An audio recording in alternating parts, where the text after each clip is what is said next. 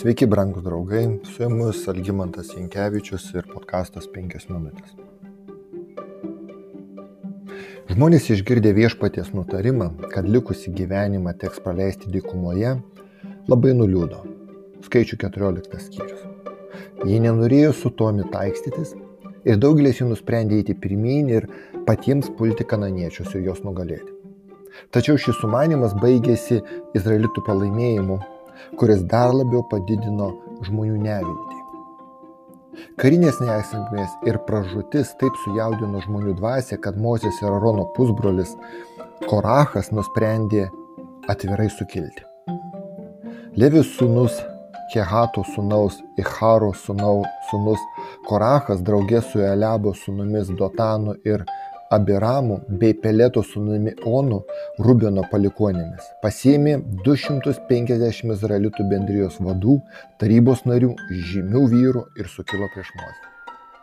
Kaip skaitėme, jis subūrė aplink save 250 bendrininkų, garsių žmonių, ne bet kokių, bet lyderių.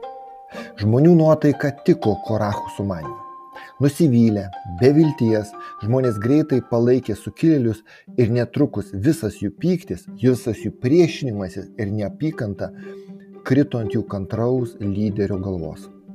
Jie nesugebėjo susitaikyti su bausmės siaubu ir priprasti prie minties, kad teks mirti dikumoje. Ir žinoma, jie nuolat ieškojo pasiteisinimų, kaip įrodyti savo, kad tai ne Dievas, bet jiems vadovavęs Mozė kaltas dėl jų likimo.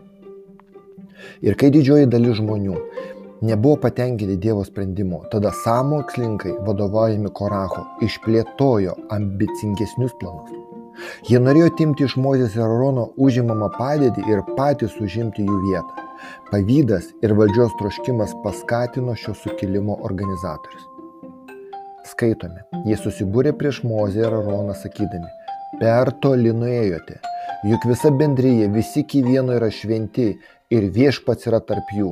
Tad kodėl keliate save aukščiau už viešpatės bendryje? Mozė su jais nesiginčijo ir nieko neįrodinėjo. Jis atidavė viską į Dievo rankas ir pasakė pusbroliui bei jo draugams. Rytoj rytą viešpas parodys, kas jam priklauso, kas yra šventas ir kam bus leista prie jo artintis. Ką jis bus išsirinkęs, tam jis ir leis prie savęs artintis. Štai ką jūs turite daryti tu korachai ir visa tavo draugė paimkite smilkytuvus įdėkite rytoj jos ugnies ir užberkite smilkalų viešpaties akivaizdoje. Vyras kurį viešpats bus išsirinkęs bus šventas. Levitai jūs per toli nuėjote. Skaičių 16 skyrius nuo 3 iki 7 eilutės. Mozė jiems davė visą naktį galvoti Visą naktį tam, kad pagalvoti, kad žmonės galėtų nuspręsti, ar jie toliau dalyvaus šiame pavojingame kabutėse nuotykėje. O tiksliau sukilime - dalyvauti ar ne. Tai, kad apie ketvirtąjį samokslininką nieko daugiau nesakoma, yra netiesioginis įrodymas, kad jis persigalvojo, laiku paliko sukilimą ir liko gyvas. Be to, Koracho vaikai nemirė, nes nepalaikė savo tėvo ir nedalyvavo maište skaičių 26 skyrius. Kita vertus, Datanas ir Abiramas nuėjo taip toli, kad įtraukė į maišto žmonas savo vaikus, net savo mažus vaikus. Dievo nuosprendis juos užklupo kitą rytą.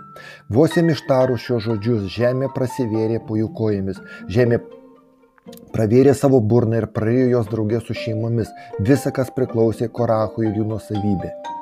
Su viskuo, ką jiems priklausė, jie nugrimzdo gyvy šiolą, žemė apdengė juos ir jie pražuvo iš bendrijos. Visai izraelitai stovėjo aplink, jiems klykiant išbėgiojo, nes mane, žemė prarys ir mus. Viešpatės ugnis prasiveržė ir sunaikino anos 250 vyrų atnašavusius milkalus.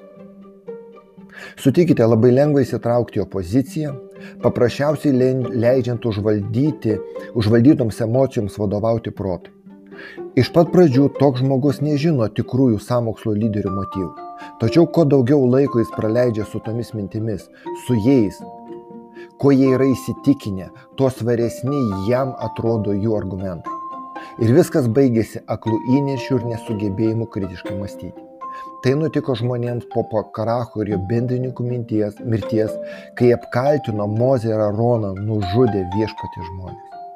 Mėly draugai, nevaldomas pasipriešinimas yra pavojingas, jis panašus į apsėdimą. Feziečiams antras skyrius, antra eilutė. Ne visada pats žmogus sugeba suvokti, kad tapo Dievo priešu. Tegul viešpats mums padeda, jei staigia esame kažko nepatenkinti. Matykime tikrus savo jausmų motyvus ir kaip mozė atiduokime viską tik į vienintelės Dievo rankas. Su jumis buvo penkios minutės ir Algymantas Jankievičius.